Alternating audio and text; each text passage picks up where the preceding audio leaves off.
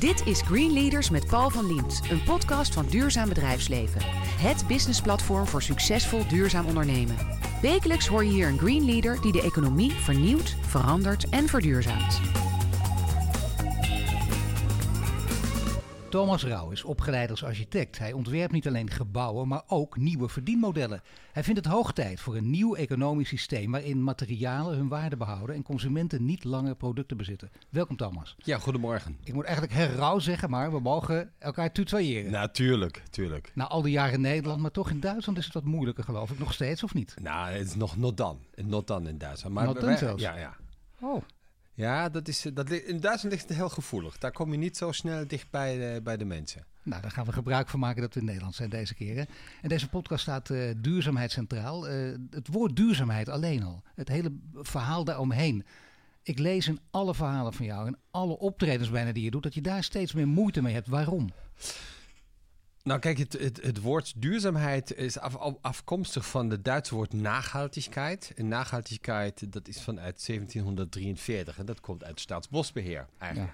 Op zich een heel goed idee om die dingen, zeg maar, uh, die, we, die we verbruiken, om die direct weer aan te laten groeien. Maar we zien dat, wij, dat we duurzaamheid op dit moment steeds meer aan het invullen zijn. Dat we het systeem gaan optimaliseren. En als je optimaliseert, dan wordt het A steeds duurder. De stappen die je kunt maken worden steeds kleiner. En het resultaat je komt er nooit. Nee, je moet dus grote stappen, je moet eigenlijk radicale stappen zetten. En radicale stappen horen juist niet bij duurzaamheid. Radicale, nee, die horen niet bij, die horen niet bij duurzaamheid. Dus uh, we moeten goed kijken wanneer is het systeem de moeite waard om te optimaliseren. En wanneer hebben we radicalere stappen nodig. Dus als we denken dat duurzaamheid het antwoord is op het probleem dan hebben we dus een groot probleem. Dan wordt duurzaamheid een van de grootste problemen in deze eeuw. Uh, het gaat dus meer, om meer dan een definitiekwestie. Want dat hoor je vaak in deze discussie, dat het uh, vooral een definitiekwestie is. Maar als ik je goed beluister, gaat het om meer. Uh, een ander woord voor duurzaamheid, wat, wat, beter is, wat beter staat, dat, dat is niet te vinden. Nee, we hebben geen ander woord nodig, maar we moeten gewoon kijken op welke laag, op welke lagen willen we acteren. En daar hoort dan duurzaamheid bij. En als we op andere lagen willen acteren, dan, dan staat juist duurzaamheid in de weg. Dus we moeten veel gedifferentieerder uh, die transformatie gaan organiseren. Ik wil een ander voorbeeld geven. Kijk, we hebben het allemaal over energietransitie of, of zoiets. Nou, dat, is natuurlijk ook, dat gaat ook fout. Ja. Nee, dat klinkt ook lekker op congressen natuurlijk. Hè? Ja, natuurlijk. Ja. ja. dat klinkt altijd heel indrukwekkend. Ik denk, we hebben een energieke transitie nodig. Ja. Want, want die energietransitie is weer een, een volledig eenzijdig antwoord op een supercomplexe vraag. En een eenzijdig antwoord op een complexe vraag is altijd een verkeerd antwoord. Dus we hebben altijd de neiging op een heel complexe vraagstelling zo eenvoudig mogelijk te gaan antwoorden om niet oncomfortabel te worden, maar dat zijn meeste verkeerde antwoorden. Ja, is dat waar? Je wil toch ook mensen meekrijgen? Je wil gewoon niet alleen dat een klein clubje voorlopers weet waar het over gaat, maar dat iedereen weet waar we het over hebben. En dan is toch, eh, laten we zeggen, eenvoudige omschrijvingen zijn dan heel belangrijk. Ik heb zelfs altijd gemerkt dat als je college hebt eh, als student van een hoogleraar, de beste kunnen het in heel eenvoudige woorden uitleggen, of niet? Ja, dat is zo. Maar het, de best eenvoudige uitlegging kan, ook, kan nog een buitengewoon oncomfortabele impact hebben. En wat we dus zien is wij we zien wel wat er gebeurt, maar eigenlijk willen we niet gaan veranderen. En ik zou zeggen, wie niet wil veranderen, maakt onvrijwillig de allergrootste veranderingen mee. Ja, dus je moet gaan veranderen. En veranderen betekent gedragsverandering, systeemverandering. De moeilijkste zaken die je ter tafel kunt brengen. Niet alleen in Nederland, misschien wel overal, of niet? Zit het niet in mensen dat we geen systeemverandering willen, dat we heel veel moeite hebben met gedragsverandering? Nou, systeemverandering weet ik, maar gedragsverandering. Kijk, dat, dat merk ik natuurlijk ook bij mezelf. Kijk, als je iedere ochtend met je rechterhand je tanden poetst en zegt, nou, vanaf morgen doe ik met links. nou, dat lukt je twee dagen en de derde dag poets je weer met rechts. Nou, daar heb je het al. Daar heb je het al. Dus dat, dat, dus, dat voelt, voelt dus iedereen. Maar we moeten elkaar gewoon erin trainen om ons gedrag te gaan veranderen. Nou, we hebben net die discussie over 100 kilometer op de snelweg. Dus we zien, nou ja, als we het niet vrijwillig doen, dan gaat de overheid ingrijpen. En je ziet welke tafereelen dan, uh, dan uitbreken. Nou ja, we moeten ook eerst ervan overtuigd zijn dat het nodig is. Daar begint het mee. Dat zijn we in Nederland ook gewend. Hè? Daar eindeloos over praten, polderen. En dan uiteindelijk denken we, oké, we zijn het er niet mee eens, maar dit is de meerderheid vindt dit. We leggen ons erbij neer. De volgende keer hebben wij weer een keer gelijk. Dat is de verkeerde methode, vind ik. Ja, nou ja, kijk, je spreekt een beetje de rol van de overheid aan. Ik weet niet of we daar even over iets, iets, iets, over kunnen zeggen. Kijk, ik vind dat de overheid steeds meer, uh, uh, helaas, een onderheid aan het worden is. Want de overheid eh, redeneert namelijk steeds meer als een ondernemer. Maar de, de overheid moet gewoon doen wat nodig is. En de overheid moet niet doen wat mogelijk is. Want alles wat mogelijk is, dat doet de markt al. Dus de overheid moet het moreel wenselijke gedrag van de burger en deze samenleving moeten zij gaan faciliteren. En daar horen dingen bij dat ze zeggen, ja, we moeten dit gewoon doen. Dat kan ook misschien financieel niet helemaal goed uitpakken. Maar de overheid, du moment, ik pleit van veel sterkere overheid. Maar de overheid moet gewoon ophouden ondernemer te zijn. Dat hebben we niet aan hun gevraagd. Zij moeten het welzijn borgen. En niet de welvaart bevorderen. Ik wil de discussie niet moeilijker maken, maar eigenlijk toch uh, duidelijker. Uh, probeer ik tenminste. Uh, de overheid moet, vind jij, groter en sterker worden. Dat, ja. dat betoog je ook altijd. Maar ja. moet vooral geen ondernemers spelen. En er zijn mensen die, die bij de overheid werken en zeggen... ja, maar daarmee worden wij juist minder sterk en minder krachtig. Ja, want dan ben je alleen maar aan het... Ik ben het er volledig mee eens, maar dan ben je alleen maar aan het faciliteren als overheid. Ja, maar dit is toch de taak van de overheid Tuurlijk. moet de, de samenleving die wij graag willen zijn, moeten zij gaan faciliteren. Dat is de opdracht van de overheid. En niet beginnen te zeggen, ja, we hebben de BV Nederland en we gaan gewoon ondernemen. Dat is gewoon totaal verkeerd. En we zien waar we in terecht komen. Waar zien we dat het goed gaat? Heeft Duitsland daar uh, met name onder Merkel juist wel stappen genomen die wij uh, kunnen nadoen? Uh, nou, ik weet niet of Duitsland nu in, uh, het, het goede voorbeeld gewoon. is. Uh, Zwitserland is ook een fantastisch voorbeeld. Hè. Daar heb je gewoon zeg maar die, die referenda's, dat, dat de burger kan, kan meebeslissen. Dat valt trouwens heel mee. Sinds 1891 hebben ze maar 330 keer de burger moeten vragen. Dus, ja. en, en dan lees je eigenlijk dat het instrument alleen al heel belangrijk is voor de politiek. En de politici, politici weten, kijk, als wij hier dus niet goed uitkomen, ja, dan staat dus wel een referendum uh, te wachten. Dus ze gaan gewoon veel beter met elkaar gewoon daar... Goeie checks en balances heb je dan Absoluut. Ook. Nou, en als je naar Duitsland kijkt, kijk die, in, die energiewende... Ja, ik, ik vind toch een ongelooflijke stunt van de Duitse overheid dat ze die lef hebben gehad tien jaar geleden. Volgens mij hadden ze geen flauw idee waaraan ze beginnen en welke problemen ze zich over zich heen halen. Maar het was absoluut een stap om te zeggen: Nou, we gaan niet doen wat mogelijk is. We gaan beginnen te doen wat nodig is. Dat heeft, de, dat heeft de nodige uh, complicaties, maar dat hoort natuurlijk ook bij leiderschap. Maar ja, precies, want dat zie je dan weer. Daar gaan we het zo meteen uitgebreid over hebben, over leiderschap. Maar dat zie je dan weer, hè, dat, dat uh, degenen die hier tegen waren, die zeggen, kijk eens even, de Duitsers hebben dat geprobeerd, dat moeten we vooral niet gaan doen, want dat is, het, leidt niet, het leidt tot niets. Nou ja, het leidt tot niets. Ik denk die energiewende in Duitsland, die, die, die komt wel voor elkaar. Dus dat is, uh, kijk, die metro in Amsterdam, nou, die, uiteindelijk is die na twintig jaar ook voor elkaar gekomen. Dus, uh, dus kijk, ja. het punt is, als we echt iets met elkaar willen, gaat het altijd lukken. Het probleem is dat we meestal de dingen niet echt willen. En daarom gaat het niet echt lukken. Maar het lastige is ook dat we vaak uh, daarin langs elkaar heen praten. Want ik denk, ik weet zeker, ik, ik durf bijna mijn hand voor in het vuur te zeggen, dat mensen nu zeggen, wacht even, ik hoor dit. Maar jammer dat, wat meneer Rauw zegt, ben ik het helemaal mee eens. Alleen jammer dat hij het woord duurzaamheid daar niet voor gebruikt. Want dat heb ik altijd gedacht, dat wil ik namelijk wel. Dat heeft heel veel mooie connotaties en dan begrijp ik het. En dat verwart de discussie. Nou ja, kijk, nogmaals, er is niets verkeerd aan duurzaamheid. Maar te denken dat duurzaamheid het antwoord is op al die complexe vragen die ons te wachten staan die er zijn, dat is een misverstand. We hebben meer instrumenten nodig dan alleen maar duurzaamheid om de problemen die wij vandaag hebben, om die gewoon op te lossen. Nou, laten we dat woord dat ik eerder gebruikte dan maar gebruiken. Hè. Dat is het, het, het, hele, de grote overkoepelende term is dus de systeemverandering. De systeemverandering is nodig. En ik zei meteen, jij aarzelt een beetje om, om mij daar gelijk in te geven. Dat mag ook natuurlijk graag zelfs. Ja. Maar systeemverandering, zou ik daarvan zou je zeggen, dat is ook iets, net als gedragsverandering, denk ik, heel moeilijk. Zeker in een land als Nederland, waar polderen nogmaals heel belangrijk is. Nou ja, we zien het aan de hele stikstofdiscussie uh, die we hebben. Dus uh, iedereen die gewoon te stijgen als het, als het zijn sector betreft. Iedereen moet veranderen, uh, behalve, behalve de sector zelf. Maar we zijn inmiddels zover. En ja, daarom ben ik op zich heel blij met deze discussie. Zo, hoe vervelend die ook is, dat we ons heel langzaam realiseren.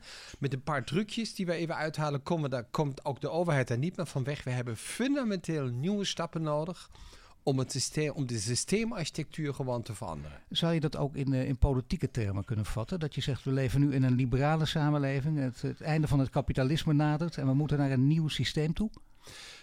Ik denk dat, uh, dat wij in een tijdsperk komen waar in principe alle systemen uh, uitgediend hebben. En we zijn met, met elkaar op zoek naar een nieuw systeem. Ik heb daar ook nog geen woord voor. Kijk, Churchill die zei ooit: uh, democratie is het slechtste, uh, is de beste van de slechtste systemen ja. die, we, die we ooit bedacht hebben. Ik denk het wordt tijd voor een nieuw systeem. Je moet me niet vragen hoe het heet, maar dat, dat, gaan we met elkaar gewoon uitzoeken. Oh, ik dacht dat het daar nou juist uit zou komen. Want ik heb zoveel, je hebt zoveel gezegd altijd. Ik denk, Thomas Rauw die heeft het bewaard voor dit gesprek. Want hij is natuurlijk een, een, een geweldige uh, politicoloog, filosoof ook. Schumpeter, die ooit een boek schreef. Socialism, Capitalism en Democracy. En daar kun je dus heel veel over nadenken. Er staan heel veel interessante dingen in. Heb ik als student moeten lezen. Nog een keertje herlezen. Want dat zijn toch de drie systemen. Hè, die alle drie uh, heel veel nuances in zich hebben. En wat is dan het beste? Nou ja, ik denk de, het beste is altijd een balans tussen alle drie. En we zien dat de meeste systemen heel eenzijdig. Uh, we hebben of het socialisme of we hebben het kapitalisme. Maar uh, we dat zie je ook bij de religies. Kijk, we hadden vroeger allerlei verschillende religieuze stromingen. En we zien toch heel langzaam nou, dat we toch begrijpen dat het misschien toch allemaal over hetzelfde gaat. Alleen de perspectief op de realiteit wordt een andere. En zo denk ik dat we eigenlijk tot een versmelting van, van de systemen komen. En uh, als we dingen nieuw begrijpen, dan hoort er ook een nieuw begrip bij. Maar die, die heb ik nog niet. Ja, dat is jammer. Maar daar ben je wel voortdurend over aan het denken. Of vind je dat niet eens zo belangrijk, dat welk nieuw begrip daarbij hoort? Um, nee, nou ja, nee, ja, soms denk ik van hoe, hoe zou het nou kunnen heten? Dus ik, ik, ik, ik, af en toe check ik dan in termen en denk ja, dat is het ook niet, dat is het ook niet. Um, Kun je iets noemen wat je, wat je af en toe gewoon... Uh, daar mogen we jou niet op vastpinnen, maar dat vind ik wel leuk om te weten. Wat je af en toe dan zo een beetje brainstormend loopt te, te roepen of te denken? Um, ja, ja dat, Jij valt nooit stil, hè? Dat, nee, dat is nee. nou, dat is, dat is, dat is, dat is jou, dat is jou in, in, in, ieder, in ieder geval gelukt. Wat, wat, zit ik, ja, wat zit ik gewoon uh, uh, te denken? Nou ja, kijk, we hebben, nou, de, we hebben de lineaire economie, we hebben de circulaire, de circulaire economie. Maar dat is een onderdeel van het, van, van het systeem. En ik denk, het, het systeem, ik, ik denk de kenmerken van het systeem moet zijn dat we ons, dat we alles zo organiseren dat het een spiegel wordt van het bewustzijn van ons, dat ons zijn afhankelijk is van alles wat er is. Dus het moet een systeem zijn die gast zijn op aarde gaat faciliteren voor de mensheid. Maar als je het zo omschrijft, dan kan ik me niet voorstellen dat iemand hierop tegen is. Als je het zo omschrijft. Nou, heel fijn toch? Dat is heel fijn, maar, dan krijg je vervolgens dat mensen toch weer gaan denken... en dan krijg je de etiketten en dan wordt het weer geroepen... is het, is het links of is het rechts of is het midden? Nou, dat ben ik helemaal niet. Kijk, ik ben links. Nee, dat wil, dat wil je niet. Dat wil ik ook niet. maar de buitenwereld wil dat, heeft daar natuurlijk wel meningen over en opvattingen over. En, en dat is heel belangrijk, denk ik, als je dit serieus neemt. Als het niet alleen maar een gedachte-experiment is, maar jij bent ook gedreven. Je wil, je wil mensen meekrijgen. Ja, maar kijk, mijn drijfsfeer is gewoon de realiteit. Kijk, ik denk de allergrootste visie die er is, is gewoon de realiteit. En die is zo omvattend dat niemand, dat niemand, die, dat niemand die aandurft. Want als we namelijk de realiteit omschrijven, uh, even een paar heel simpele voorbeelden. Kijk, niemand op deze aarde gaat deze bol uh, levend verlaten. Nou, dat is gewoon een feit. Nou, Het feit is ook dat alles tijdelijk is. De aarde is een gesloten systeem. Dus dat zijn, dat zijn objectieve wetmatigheden of ja, objectieve regels. En we moeten binnen de objectiviteit van deze regels het systeem gaan bouwen. Het is niet meer interessant wat jij daarvan vindt of ik daarvan vind. Wij moeten ons gewoon richten van wat zijn de huisregels op aarde. En binnen deze huisregels moeten we ons gaan organiseren. Ik zou bijna zeggen, daar moeten we allemaal ook wat, wat egolozer van worden. Nou, daar is helemaal niks mis mee met egoloos. Maar ik denk, uh, een van de stappen die we moeten nemen, dat wij onze identiteit niet langer moeten definiëren over wat we hebben, maar dat we proberen onze identiteit te definiëren a wie we zijn en nog veel beter wie we graag willen worden. En ook uh, hoe we dat uh, in die tijd die we dan tijdelijk op aarde zijn, hoe we dat vormgeven. Jouw ideeën, jouw, uh, jouw, jouw, alles waar je over denkt, daar gaan we natuurlijk nog uitgebreider over doorpraten. Maar nu vast een voorschotje. Hoe geef jij het zelf vorm? Wat doe je met, met deze gedachten? Nou, ik probeerde op verschillende niveaus te acteren. Kijk, ik heb een, uh, ik heb een architectenbureau. Dus ik, ik probeer die dingen gewoon heel zakelijk te implementeren in de manier hoe ik werk, hoe ik met mensen werk en uh, welke gebouwen we maken. Ik probeer het om te zetten in de omgang met mensen. Ik, ik bied mensen op mijn kantoor een plek aan om zich biografisch te kunnen ontwikkelen. Op basis van architectuur. Dus op basis van de vaardigheden architectuur. Dus zo ga ik dat met mensen doen. Ehm, ik, ik, probeer natuurlijk ook thuis die dingen gewoon iets, iets anders voor mijn eigen kinderen te regelen. Ehm, maar het allermoeilijkste, dat ben ik natuurlijk zelf. Ja. Daar, eh, en daar ga ik, ik kan je vertellen, ik, ik ga iedere dag met mij vechten.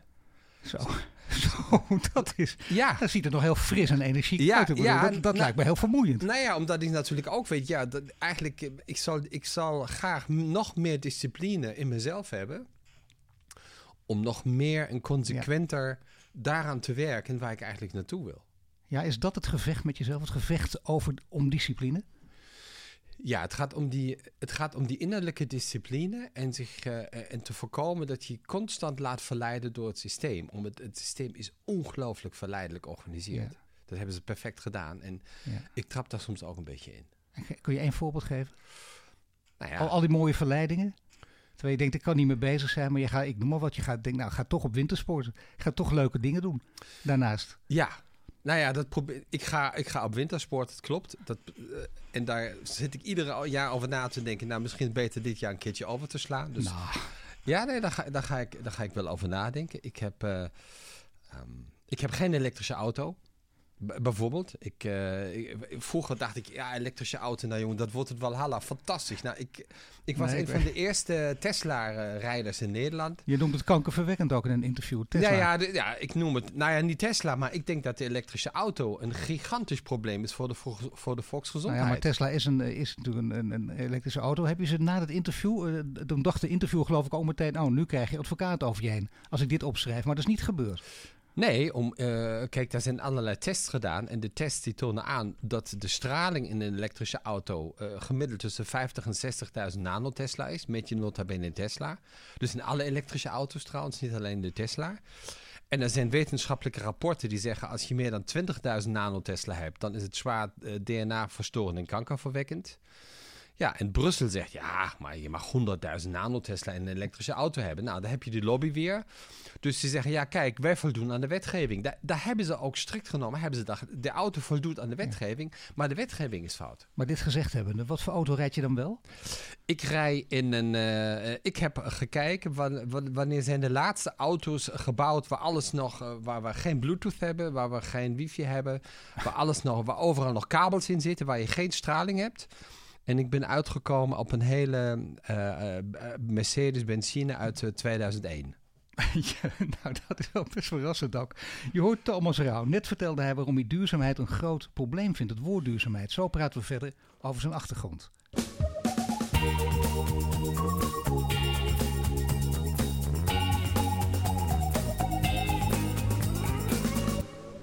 Je hoort bij mij Thomas Rauw. Net vertelde hij dat hij het systeem wil veranderen. Hoe kwam je op het idee en wat voor soort leiderschap is daarvoor nodig? Daar praten we over door. Want uh, ooit uh, wordt, is iemand jong en je hebt het verhaal vaker verteld, maar degene die de podcast nu beluisteren weet het nog niet. Dus ik, ik hoop dat je het toch nog een keer wil vertellen. Dat is een vrij aangrijpende gebeurtenis toen je tien jaar was. Ja, nou ik ben de, ik ben de jongste van drie kinderen. Ik heb nog twee, twee oudere broers. En uh, uit het dagboek van mijn moeder blijkt dat ik een uh, heel moeilijk opvoedbaar kind ben. Nou, mensen, sommige mensen vinden me nog steeds moeilijk. Maar mijn moeder vond me toen al heel erg moeilijk. Ze wisten niet goed raad met mij. En we hadden op, uh, ik was tien jaar. En we hadden een soort barbecue feestje met, met een paar buurjongens en een paar buurmeisjes. En we, we hadden de Duitse braadworst hadden we daarop liggen. En uh, we hadden honger, het was aan het regenen. Nou, het schot niet op. Ik zeg, jongens, kom op nou. Ik, dus ik pak die jerrycan. Die zei, weet je wat, een beetje benzine eroverheen. Huppakee, praatworst klaar. Maar ik heb niet in de gaten gehad dat de benzine sneller in de jerrycan was dan op het, uh, op, het barbecue. Dus die jerrycan is in mijn handen geëxplodeerd. En ik ben dus zeg maar, vanaf, mijn, vanaf mijn middelste naar beneden... Uh, heb ik me heel zwaar verbrand als tienjarige jongen. En ik heb in een soort, soort uh, couveuse uh, moeten liggen. Dus dan, ja, je kunt, je kunt helemaal geen kleren aan hebben. Zeg maar, het, het, het, het, het rauwe vlees ligt gewoon open, je druppelt. Ja. Um, en je drinkt gewoon 8 tot 10 liter water. En ik uh, kon geen enkele daglicht in de ruimte hebben. Ik had, zeg maar, je hebt zoveel warmte binnengekregen. Dus alle gordijnen, was alles dicht. Ik heb maandenlang in zo'n dichte kamer moeten liggen. En toen, nou ja, dat is redelijk confronterend. En toen dacht ik als kind ik, ga het zo even nu vertellen. Uh, ik ga gewoon dood. Maar weet je, als kind doodgaan is niet erg, omdat je bent net dood geweest. Dus de, dood wordt eerder een probleem hoe ouder je wordt.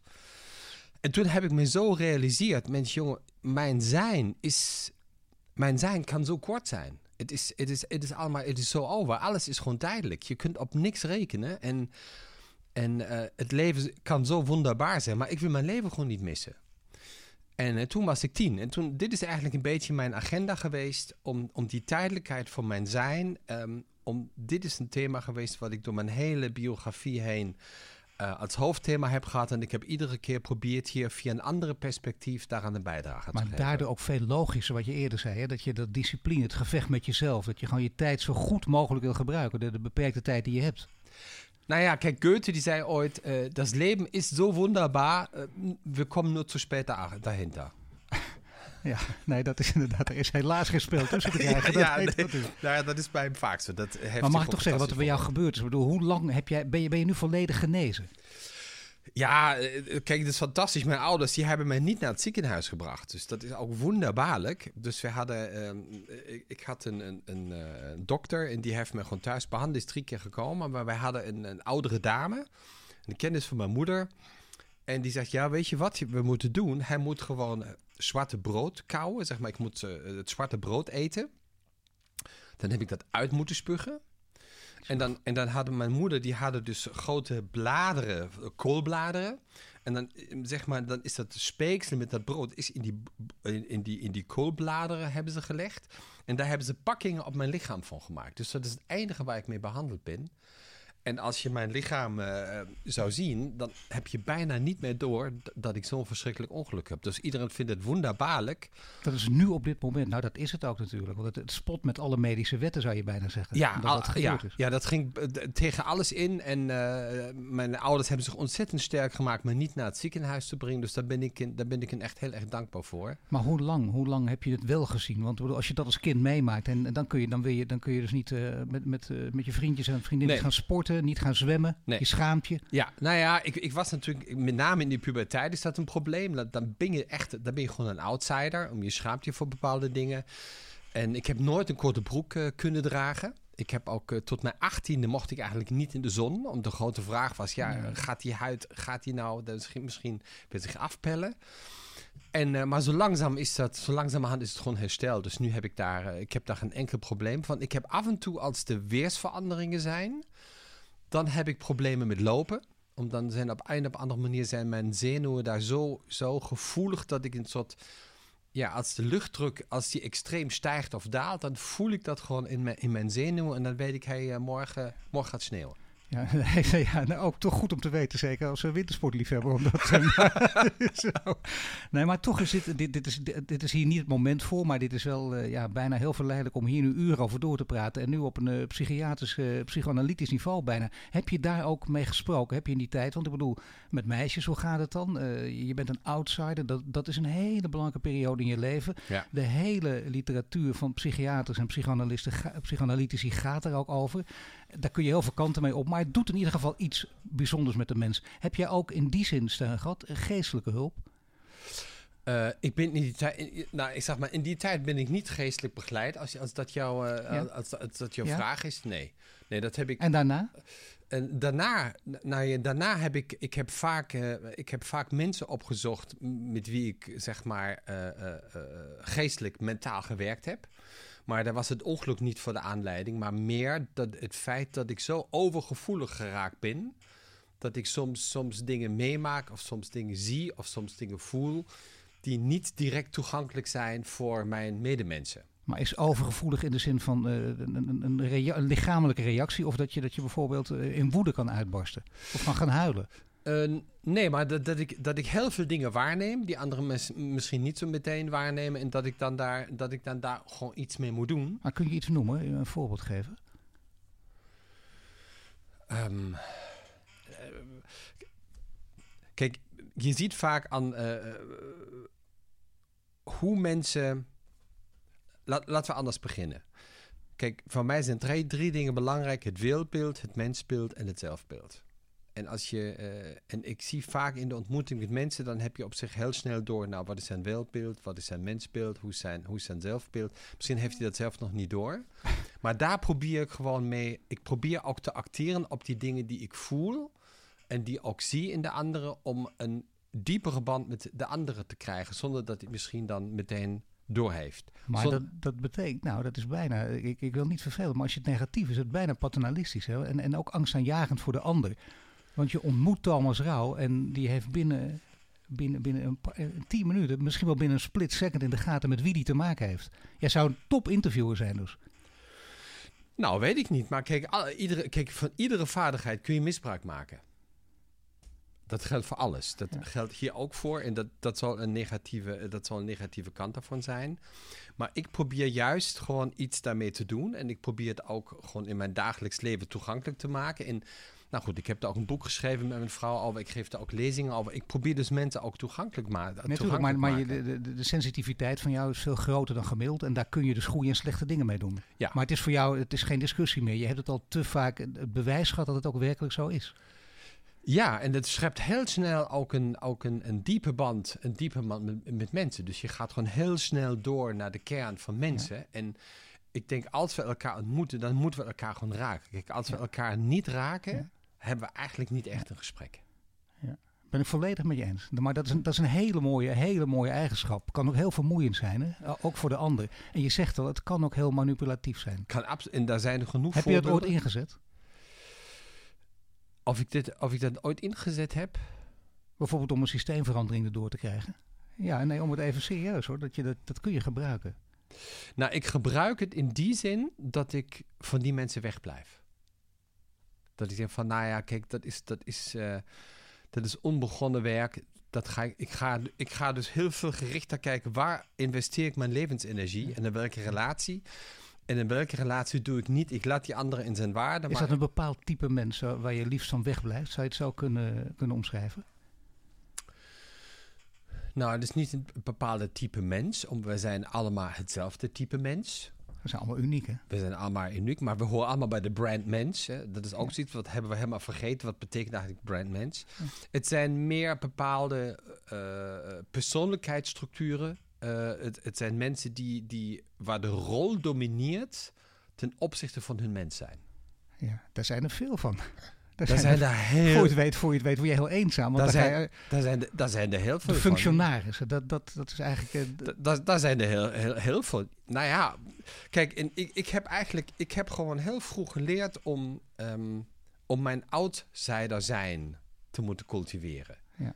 Dus je hebt het net genoemd. En Ja. dat is eigenlijk mijn hele leven zo geweest. En alles wat ik nodig acht, heb ik ook zelf moeten maken. Dus ik ben nooit ergens in een, eh, in een gemaakt bedje of in een gemaakt nest gekomen. Dus alle dingen die ik doe, die ik belangrijk vind, die moet ik ook zelf opzetten. Ze zijn er gewoon nog niet. Ja, nee, dat, dat is, ook dat is wel een, is iets in je leven. Hè. Dat, dat is ook, ook heel mooi. Je Ja. bent een voorloper, maar ook heel erg lastig. Je loopt dus echt letterlijk voor de troepen uit. Ja, en dat, En dat kan heel gevaarlijk zijn. Ja. Dat kan heel gevaarlijk zijn. Geniaal en gek ligt dan dicht bij elkaar. Absoluut. Ab- nou ja, dus het begint nog met de, de, twee eerste letters zijn ook hetzelfde. Eh, nee, absoluut. En daar moet je goed voor waken. En daarom eh, heb ik ook iedere keer weer momenten waar ik dan goed bij mezelf te raden ga. En waar, waar ik een soort time-out neem en even kijken waar sta ik, wat heb ik nodig enzovoort. Ik ben een tijdje, als ik dat mag vertellen. ja, natuurlijk. natuurlijk. Ehm, ik ben adviseur geweest van de koning in Bhutan, His Majesty Wangchuk. Prachtige, een prachtige man. Die heeft ook eh, zijn vader, die eh, wilde die koningschap afstaan. Maar de sterrenconstellatie was niet goed. Dus ze hebben drie jaar moeten wachten voordat de zoon, zeg maar, eh, noem je dat, inaugureerd Ja. Ja. was. En ehm, met die man heb ik echt prachtige gesprekken gehad. Kijk, Bhutan is een fantastisch land. Het is zeg maar het Zwitserland van Azië, kun je, kun, kun, kun je, bijna, kun je bijna zeggen. En die man, die gaat dus iedere ochtend, eh, als hij van zijn appartement naar zijn paleis gaat, dan gaat hij in een school in Thimphu, zeg maar het, het Den Haag van Bhutan, gaat hij, in, eh, gaat hij in een school naar een klas iedere kind de hand geven en zegt hij, wat ongelooflijk fijn dat jij bent gekomen. Dank je wel. Dat is toch fantastisch? Ja, en dat dan echt zoals je het ook nu, mensen zien het niet, maar echt heel gemeend. Hè? Je kijkt er ook Ja. zo bij, daar gaat het om. Hè? Dat Ja. het niet even een, een handje is zo wat Nee. wapperen, niet En hij routineus. En hij doet iedere dag die moeite. Ja. Iedere dag geeft, hij is- 30, de- geeft hij 30 kinderen de hand. En hij zei, Thomas, kijk, iedere mens heeft talenten. Alleen we gaan de meeste mensen naar de verkeerde school sturen. Ja. Nou, dat is bij mij heel diep, heel diep blijven hangen. En ehm, kijk, als we het over kinderen hebben en je, en, en je zult zelf met je te raden. Heb jij kinderen, eh, Nee. Paul? Nou, maar als je kinderen hebt, dan... Wel neef en nichtjes. eh, Oké, Daar ik veel mee omgaan. Eh, Ja, nou, nou, mijn vraag is even, kijk, als mensen kinderen hebben, dan is de vraag, als je ze vraagt wat is het meest waardevolle, dan zeggen ze meestal, nou, het zijn mijn kinderen, natuurlijk. Ja. Kijk, en dan moeten we dus even nog goed kijken, op welke plek gaan we eigenlijk iedere ochtend het meest waardevolle in ons leven gewoon, ik zou bijna zeggen, deponeren. Nou, dat noemen we onderwijs. Dat is toch schandalig? Dat, onderwijs moet toch de meest waardevolle plek in deze maatschappij zijn. Daar moeten we het allerbeste mensen, de allerbeste info, het allerbeste Ja. wat wij als maatschappij te bieden hebben, moeten we hun ter Nou, beschikking ik zou wij stellen. zeggen, breek me de bek niet open. Daar gaan we het eh, hopelijk een andere keer nog over hebben. Want dit vind ik ook een heel erg belangrijk onderwerp. Echt serieus. Welk onderwijs heb je zelf gevolgd? Wat, wat ben jij gaan studeren? Nou ja, ik ben bijna van school gestuurd. Ehm, dat, is, dat is ook zo'n verhaal. Want wij hadden, wij hadden dadaïsme en ik moest een kunstwerk maken in het kader van dadaïsme. En ik heb een grote kist gebouwd, een doodskist gebouwd, eh, met een grote spiegel erin. En we hadden op school een heel groot trapgat, echt gigantisch.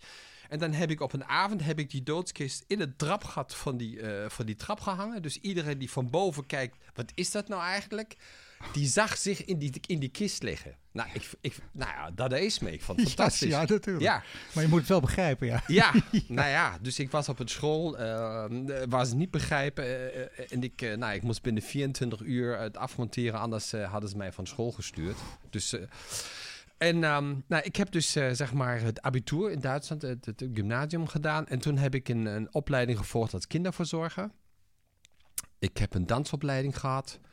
Ik wilde eigenlijk dan nog een keer danser worden. Heb ik beeldhouwerij gedaan. En uiteindelijk ben ik door heel merkwaardige omstandigheden ben ik in de architectuur terechtgekomen. Dus eigenlijk had ik daar helemaal niks mee. Architectuur, moet ik daar nou hemelsnaam. Maar Je dacht niet op je vijftiende, ik wil architect worden. Je dacht, je had hele andere dingen. Wat, wat wil, je wilde echt iets, iets kunstzinnigs. Ook al toen je heel jong was. Nee, ik wilde, nee, nee, ik wilde helemaal niks kunstzinnigs. Ik wilde meer in de sociale sector. Ik wilde echt met mensen, met mensen gaan werken. En in Duitsland heb je het verhaal van de ZVS, dat noemen we Centraal Vergabestellen voor Studienplätze. Nou, een beetje typisch Duits ingewikkeld woord, maar dat betekent je hebt een A4'tje, daar schrijf je in wat wil je studeren. Dan moet je vijf steden opgeven in de volgorde. En dan moet je maar hopen dat je plek krijgt. En als je geen plek krijgt, ja, dan, dan moet je niet uit je wachten. Nou, ik had dit papier en ik dacht van, ja, wat ga ik nou doen? Om ik voelde, ik wilde iets anders doen. En toen had ik een droom in de nacht. En eh, in, daar, daar is mij gezegd, ik heb het gehoord, hoe je het ook wil noemen. Hey, jij moet architectuur studeren. Toen heb ik architectuur ingevuld.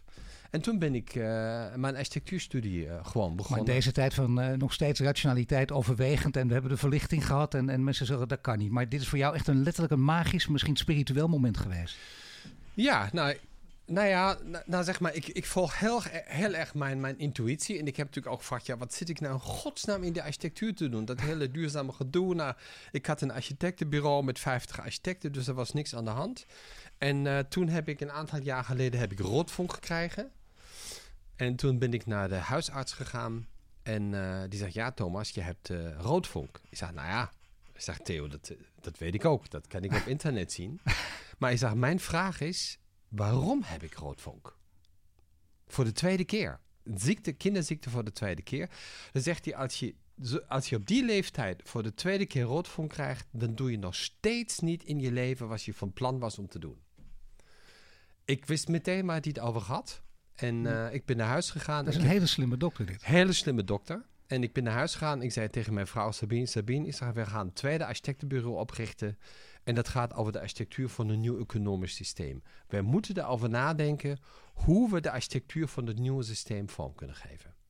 Ja, dat is, dat is dus een stap verder. Echt letterlijk een stap verder dan alleen een mooi, succesvol kantoor. Ja. Wat ook geweldig is. Maar dit gaat echt dus inderdaad om... Zet jezelf in voor die systeemverandering op het gebied waar je sterk in bent. Ja, en de geloofwaardigheid kun je natuurlijk afleiden door die dingen die je doet. Ik, he- ik heb nog steeds het architectenbureau. Dus we, nou, we hebben net de Triodusbank ehm, opgeleverd. Dus ik probeer heel sterk, zeg maar, tot in de materie te gaan. Bank in Zeist, hè? Dat is, ja, dat is een bank in Zeist. Ehm, dus voor mij is het architectuurbureau ook een soort laboratorium waar we, waar we kunnen denken, hoe moeten we die dingen nou, als we het systeem zo willen veranderen, wat betekent dat voor architectuur en hoe moeten we dan met materialen omgaan en welke consequenties heeft dat? Daar praat ik ook zo over verder. Eerst nog over leiderschap. Want we zijn hier op zoek, ook in deze podcast, naar eh, groen leiderschap. Ja. Green Leadership van Green to Gold. Er is een één Amerikaans boek over geschreven. Dat spreekt jou, dat weten we nu inmiddels, veel minder aan. Jij kijkt anders tegen leiderschap aan. Hoe zou jij leiderschap, zoals je het zelf ook in de praktijk brengt, hoe zou je dat omschrijven? Nou kijk, leiderschap wordt vaak verwisseld met management. Kijk, eh, management betekent dat je op technisch gebied mensen gewoon leiding geeft. Nou ja, dat is, dat is gewoon een feit. Ja, dingetjes fixen zonder visie. Ja, maar echte leiderschap gaat over uh, mensen in hun gedrag en in hun houding medesturing te geven, richting te geven. De intrinsieke waardes van zijn, die moeten de basismotivatie zijn voor de beslissingen die je neemt dat is voor mij echt leiderschap. Dus dat, die green, zeg maar, de green leadership of leiderschap is een uh, contradictie in termen niet eigenlijk. Dus ik, ik eigenlijk hou ik, ik, begrijp het, ik begrijp het, maar ook begrijp ik het niet. Maar leiderschap is een, een, een, een fundamentele. Ehm, ja, hoe zal ik het zeggen? Het is een fundamentele noodzakelijkheid dat we leiders hebben in de maatschappij. Want leiders weten de richtingen vaak van wat is nodig om te doen. Ja, toch zien we heel veel leiderschap inderdaad ver, uh, verward worden met, uh, met managen, met, met, met uh, gaten dichten, fixen. Ook zou ik zeggen bijna juist in Nederland, ja. waar we dat in de politiek zien, waar we dat ook in, bij veel bedrijven zien. Ja. wat probeer jij zelf anders te doen in je leiderschap? Kun je, kun je een paar bijna, ik bedoel het haar studieus, hè? kun je maar een paar kenmerken aangeven? Nou ja, kijk, ik, zoals ik net zei, ik, ik stel mensen bij mij op kantoor een werkplek binnen de architectuur ter beschikking om zich biografisch te ontwikkelen. Dus ik ga goed kijken van waar staan die mensen, wat hebben ze nodig. Um, ik probeer hun een richting te geven. Ik probeer te kijken welke persoonlijkheidsstructuren maar hebben. Maar kijk je ze ook in de ziel voor je ze aanneemt? Ja, ook. En uh, sommige, sommige mensen neem ik, ook, neem ik ook niet aan. Niet dat ze fout zijn, maar dat ik denk van, nou, daar, dat wordt voor mij, voelt voor mij niet goed om met die mensen gewoon iets, iets te doen. En ik laat die mensen uiteraard, uiteraard in waarde.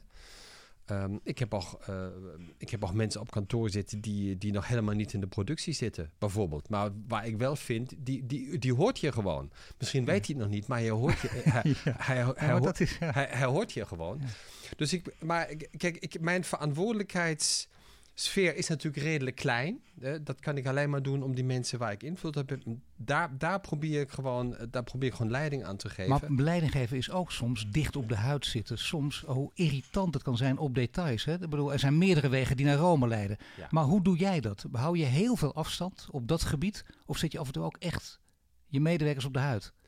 Kijk, het allerbelangrijkste is altijd dingen vanuit respect en vanuit liefde te doen. En uh, als kritiek op iemand bedoeld is om iemand te blokkeren of pijn te doen, dan moet je het gewoon niet doen. Maar je dus moet soms toch hard zijn, echt als iemand een fout maakt. Sommige mensen zijn er zelfs bij gebaat, heb ik het idee. dat is niet pijn nou, doen, maar wel eh, ja, maar een nee, duidelijk. Een nee is net zo belangrijk dan een ja. En soms stuur ik ook mensen weg. Ik zeg, weet je wat, ik weet dat je dat niet fijn vindt. Maar het is voor jou beter om hier weg te gaan. Je moet een andere stap nemen. Je hebt een andere context nodig. Dus ik, ik probeer je te helpen om je te zeggen gewoon, we gaan dit gewoon beëindigen. Maar belangrijk is dat je altijd de goede intentie voor de andere persoon ook daadwerkelijk hebt. En niet op hem wilt afrekenen of hem wilt instrumentaliseren um, of, of wat dan ook.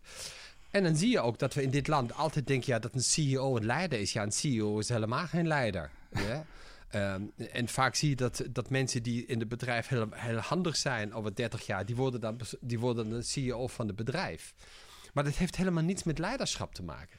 En ik, eh, ik denk ook dat we vroeger, kijken we naar de politiek. Ik denk dat we vroeger veel meer leiders hadden in de politiek. We zijn ze, we, we hadden de Mitterrands en, en, en de Kohls en hoe ze, de Gorbachevs en hoe ze allemaal heten. Ze zijn er gewoon niet meer. Hè? En dan zie je ook, het, mensen hebben ook een beetje uh, charismatische trekken nodig om, om die leiderschap gewoon in te vullen. Zo om authentiek te zijn. Zie je ze in het bedrijfsleven wel? Fergus Siebesma wordt natuurlijk heel vaak aangehaald van DSM. Ja. Nou, ik, ik ga niet. Laten we, laten we liever mensen uit een context, een andere context nemen. Kijk waar uh, iedereen kent Mandela. Nou, dat was voor mij echt een, een prachtig voorbeeld van een echte leider. Die uh, naar, weet ik, 20 jaar gevangenis of zo, uh, hoe, hoe die man daaruit gekomen is. Die man die heeft een ongelooflijke scholing gehad. Trouwens, zijn, zijn gevangenis had hij, had hij geel laten schilderen. Dus dat is, dat is ook, hij was dus de hele tijd in die, in die, in die lichte kleur. En, en zo heb je maar, denk ik, maar een paar mensen op de wereld die, die gewoon echt het charismatische hebben om een authentieke leider te zijn. Dat heeft natuurlijk ook iets met spiritualiteit te maken. Een leider is zich bewust dat we niet menselijke wezens zijn op een spirituele reis, maar we zijn spirituele wezens op een menselijke reis. Maar dit kun je niet aanleren. Heb je dit, in dit talent voor nodig of dit is een gift? Uh, het heeft met je levensgeschiedenis te maken. Ik bedoel, uh, alles bij elkaar en, en je mag onbescheiden zijn. Heb jij dat ook al uh, een beetje in je? Of niet? M misschien geen idee, vind ik, vind, ik voor mij, vind ik voor mij ook niet belangrijk. Je merkt het toch in of je, of je verschillende mensen eh, weet te overtuigen van wat je echt wil. Dat hoort denk ik ook bij leiderschap. Nou ja, ik merk vooral ook hoeveel weerstand het bij sommige mensen gewoon uh, op, op, oplevert. Maar dat had Mandela ook. Ja, en, maar ik, ik heb heel veel begrip van mensen die, die weerstand hebben tegen dingen die ik zeg. Dat, dat, ik snap dit gewoon. Het is gewoon, ja. Maar ik, ik kan, weet je, ik heb de realiteit niet gemaakt. Maar wat doe je dan om die mensen, want uh, je hebt ze wel nodig uh, als je tenminste stappen wil zetten. Ehm, wat doe je om ze te overtuigen? ik probeer niemand te overtuigen. Uh, ik probeer die mensen altijd uh, in hun zijn gewoon te respecteren. En ze in hun waarde te laten zijn. En, en proberen daarmee te dienen. En dan kijk ik hoe ver ik kom. En als ik niet verder kom, dan, ja, dan, dan scheiden onze wegen. In alle respect van elkaar. Wij proberen nog iets verder te komen. Ook uh, ten behoeve van onze luisteraar. En dat woord is Thomas Rauw. En net spraken over zijn achtergrond. En hoe hij tot het besef kwam dat er een nieuw economisch systeem nodig is. Zo praten we verder over de vraag hoe we dat systeem kunnen vormgeven.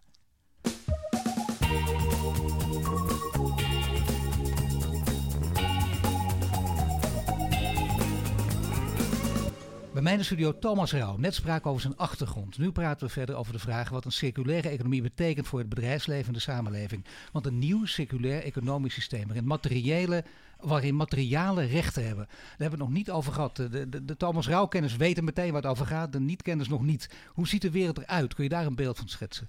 Waarin de materialen heel belangrijk zijn en rechten krijgen. Nou ja, kijk, we hebben de mensenrechten en in de mensenrechten is gedefinieerd hoe wij met elkaar om mogen gaan en hoe we niet met elkaar om mogen gaan. Dus dat betekent, wij als mensen mogen niet op ieder moment alles met elkaar doen wat mogelijk is. Daar hebben we regels voor. Als we dit naar materialen gaan transformeren, dan zou het maar zo kunnen zijn in de toekomst dat we niet meer alles met materialen mogen doen wat in theorie mogelijk is. Ik wil een voorbeeld geven. Ja, natuurlijk. Kijk, uh, we hebben in de, in de mensenrechten staan dat de mens uh, recht heeft op soevereiniteit. Dan heeft materiaalrechten op puurheid. En dat betekent dat we geen enkele materiaalverbinding meer mogen toepassen waar puurheid van het materiaal aangetast wordt.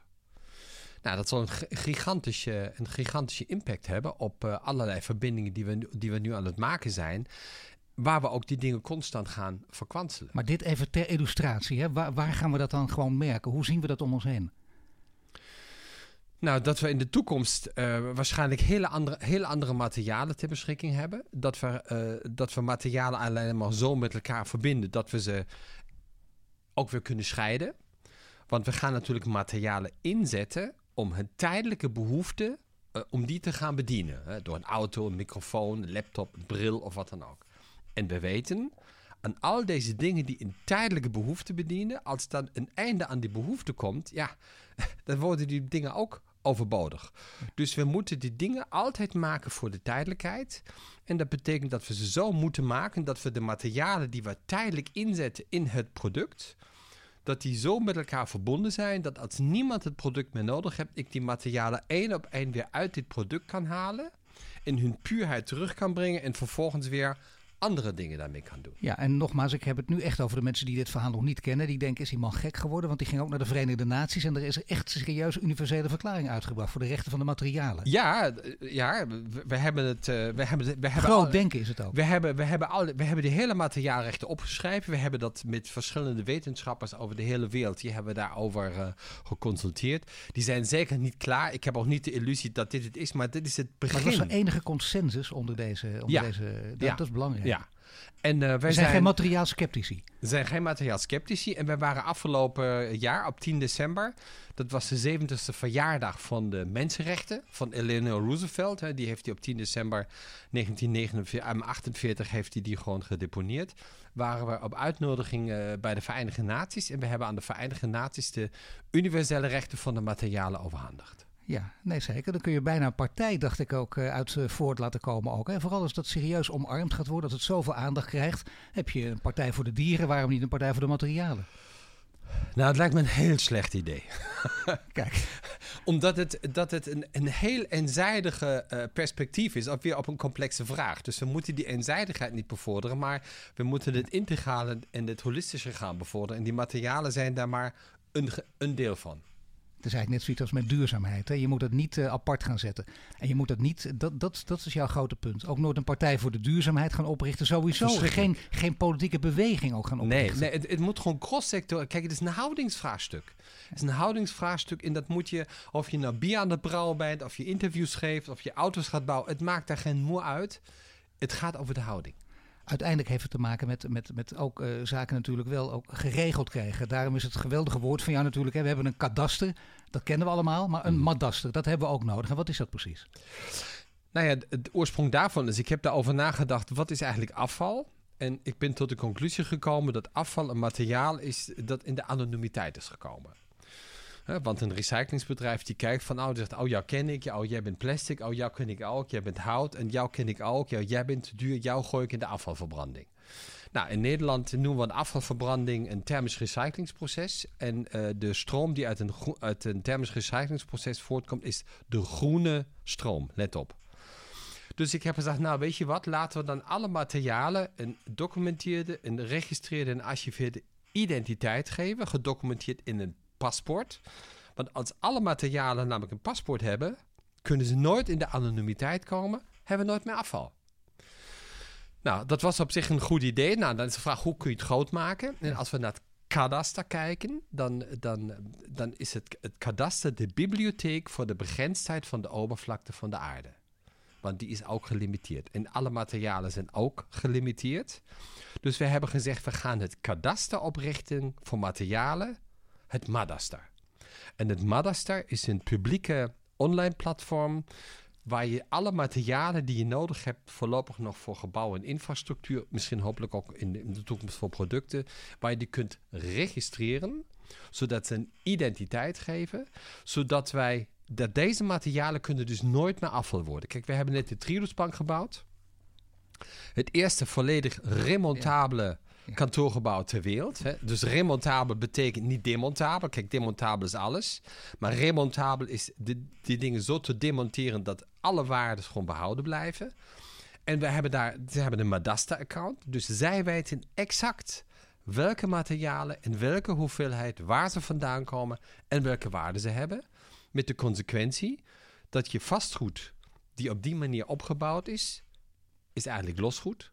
En je gaat het nooit meer naar nul afschrijven. Je schrijft maximaal af naar de geregistreerde materiaalwaarden die een identiteit hebben in het object. Ja, en dan geef je ook met een voorbeeld dus aan hoe je dat zelf al doet. En uh, Marijn Everaerts is ook bezig met een gebouw voor zijn eigen bedrijf. Hij is uh, de CEO van Dopper. Hij was hier ook de gast. Hij heeft een vraag voor jou. Die moet ik even nu horen. Mijn uh, vraag aan Thomas is, ik weet het niet zeker, maar ik denk dat hij alleen maar nieuwe gebouwen neerzet, zodat het daarna cradle to cradle helemaal hergebruikt kan worden. Eh, wij zijn natuurlijk bezig met een uh, monumentaal pand. Hoe kan ik dit het meeste cradle to cradle maken? Nou ja, uh, kijk, cradle to cradle is iets anders. Dat wordt, wordt laten we even goed kijken. Een cradle to cradle doet onderzoek over de materiaalkwaliteit en de impact van deze kwaliteit op de gezondheid van mens en natuur. Dus um, zij zij um, um, beoordelen de kwaliteit van materialen. wij gaan nog één stap terug. En die bouwen daar ook op, die doen ook beroep op die databank. Wij zeggen, nou weet je wat, laten we eerst maar registreren voordat we het überhaupt gaan valideren. Want je kunt alleen iets valideren als je het ooit geregistreerd hebt. Ik word al gevraagd van, nou ja, zou je ook een, een atoomkrachtcentrale uh, in je madas hebben? Ik zeg, natuurlijk. vraag, zeker. Ja, ja natuurlijk. dat, zijn nog, dat zijn nog allemaal onschuldige materialen. Die kunnen, niks, die kunnen er niks aan doen. Dat ze gewoon in zo'n zo'n bunker uh, gaan hangen. Dus dan zijn vraag, we maken dus juist niet alleen uh, nieuwe gebouwen. we hebben... Um, Ingrid van uh, Alianda is, dacht ik, je ook uh, geweest. Ingrid Thijssen. Ja, Ingrid ja. Thijssen. Nou, kijk, voor hun hebben we het, uh, het Liander-gebouw in Duimen gemaakt. Dat, ja. dat was een, een totaal verloederd complex. Die was rijp voor de sloop. Die zat eigenlijk, zeg maar, de, de, de afvaloven in. En daar hebben we alle materialen geregistreerd. En we hebben, ik zeg, kijk, waardeloosheid bestaat niet. Want waardeloosheid wordt faciliteerd met waardevolle materialen. Ja. Dus je kunt je beter op die waardevolle materialen concentreren. En daar hebben we het, het hele gebouw hergebouwd van Lianda in Duiven. Dus 90% van alle materialen die er ooit waren, die hebben, in, die hebben daarin gewoon uh, verwerkt. Dus we gaan nog met bestaande, met bestaande gebouwen om. Maar zijn vraag is nog um, één stap verder. Het, als het nou een monument is, ja. wat, uh, wat, wat, ga je, wat ga je dan doen? Dat is, er zijn er nogal wat van in Nederland en heeft er nu ook mee te maken. Goeie vraag dus. Dat is een heel goede vraag. Ik denk ook een heel dankbare vraag. Kijk, wij zijn natuurlijk die problemen die we nu hebben, dat zijn huisgemaakte problemen, laten we zeggen, van de afgelopen 70, 80 jaar. Kijk, daarvoor hebben we alles zo gemaakt dat het uit elkaar, uit, uit elkaar uh, uh, uh, dat je het uit elkaar kon halen. Vroeger was alles remontabel. We hebben allemaal ambachtelijke verbindingen gehad. Om, zeg maar, al die chemische bommen die we nu hebben, die hadden we, die hadden we toen niet. Bepaalt dus, geen vooruitgang dus hè, op dat gebied. Nee, naar eerder een achteruitgang. Om, uh, kijk, als de ambachtelijkheid vooruit, uh, achteruit gaat, dan gaat de chemie vooruit. Ja. En daar, daarin zijn we eigenlijk terechtgekomen. Dus ik denk dat met een monument te doen is een heel dankbare opgave. En je moet natuurlijk heel veel respect hebben voor wat mensen vroeger gewoon gedaan hebben. Dan speelt er nog iets. Uh, namelijk, uh, je hebt ook heel veel van die, van die verhalen naar buiten gebracht die ook heel mooi zijn natuurlijk. Hè, over uh, lichtsystemen. Nee, je wil geen licht, je wil een ja. systeem nemen. Dus het, zo, zo kun je dat op alle producten eigenlijk gaan toepassen niets meer is van jou. Jij bent er geen eigenaar meer van. Een ander geeft het aan jou. In zekere zin in bruikleen. Ja, maar de, de, zeg maar de oorspronkelijke gedachte hiervan is... We kennen natuurlijk allerlei producten, zoals Philips. Die hebben een Philips-kartel gehad in 1924. En Philips heeft ooit besloten... Hebben trouwens anderen ook, maar even als voorbeeld... Het product wat we maken moet niet een oplossing zijn. Het moet een georganiseerd probleem zijn. Want als je gloeilamp namelijk te lang meegaat, komt die klant niet meer in die winkel. Dus wij gaan bepalen wanneer die gloeilamp stuk gaat, zodat we zeker weten, over drie jaar moet die klant terugkomen. Dus we hebben eigenlijk de illusie dat we iets nieuws kopen, maar nieuw betekent tegenwoordig nog net niet stuk. Want zo is het. Dus iedere product is een georganiseerd probleem. Dus we worden als verbruiker met een georganiseerd probleem geconfronteerd waar we totaal overvraagd zijn. We hebben gezegd, nou weet je wat, als het zo is, dan draaien we het gewoon om. Dan zeggen we tegen die producent, weet je wat, ik wil jouw product niet meer, omdat ik weet dat is een organiseerd probleem. Ik wil van jou alleen maar de performance van je product. Nou, licht, loopstonden, kijkstonden, wc-stonden. En als ik geen zin meer heb in jouw performance, dan geef ik dan jou weer terug. Dan word je zelf geconfronteerd met jouw eigen georganiseerd probleem. Met andere woorden, excuus voor het woord, als je een shit product maakt, Zo. krijgt je shit terug. Nou zeg, we hebben drie kwartier moeten wachten, maar je kunt het hè? Ja, ja zeker. ja, ja, zeker. Ja, ja, dit soort woorden oh, zit in vocabulaire. Oh, daar wacht je op, Nou, nou, nee, ik verbaas me bijna. nee, maar dan realiseert hij zich, ik, ik kan gewoon, ik, dan kan ik dus beter een goed product maken organiseert als een depot van materialen. Want ik weet, het is tijdelijk.